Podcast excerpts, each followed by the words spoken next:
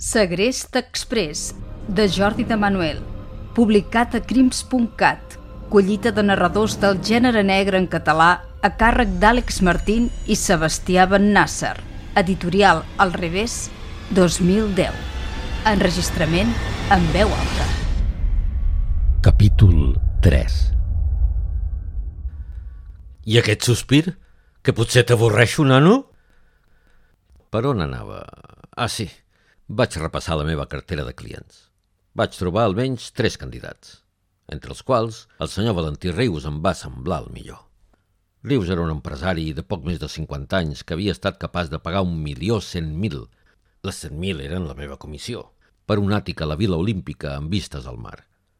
L'home estava casat amb una dona discreta, lletja com un pecat, i si fa no fa de l'edat d'ell. No tenien fills, fet que encara el feia més idoni, perquè els fills sempre ho acaben emmerdant tot. I si no em creus, fixa't amb tu, noi.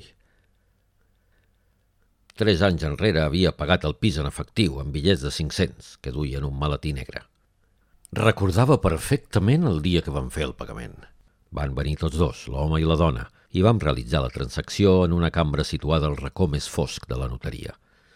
Vaig deduir que la dona no quedava al marge dels negocis, que estava acostumada a tocar i a veure bitllets.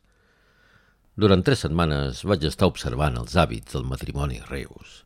M'hauria agradat estudiar-los més temps, però els deutors cada dia m'apremiaven. Cada matí l'home conduïa un sap de color blau fosc. Sortia a dos quarts de deu en punt d'un pàrquing del carrer Joan Oliver.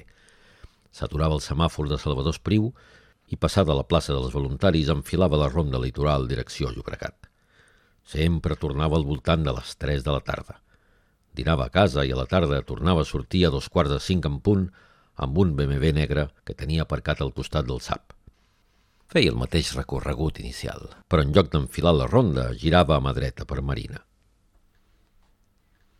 Continuarà.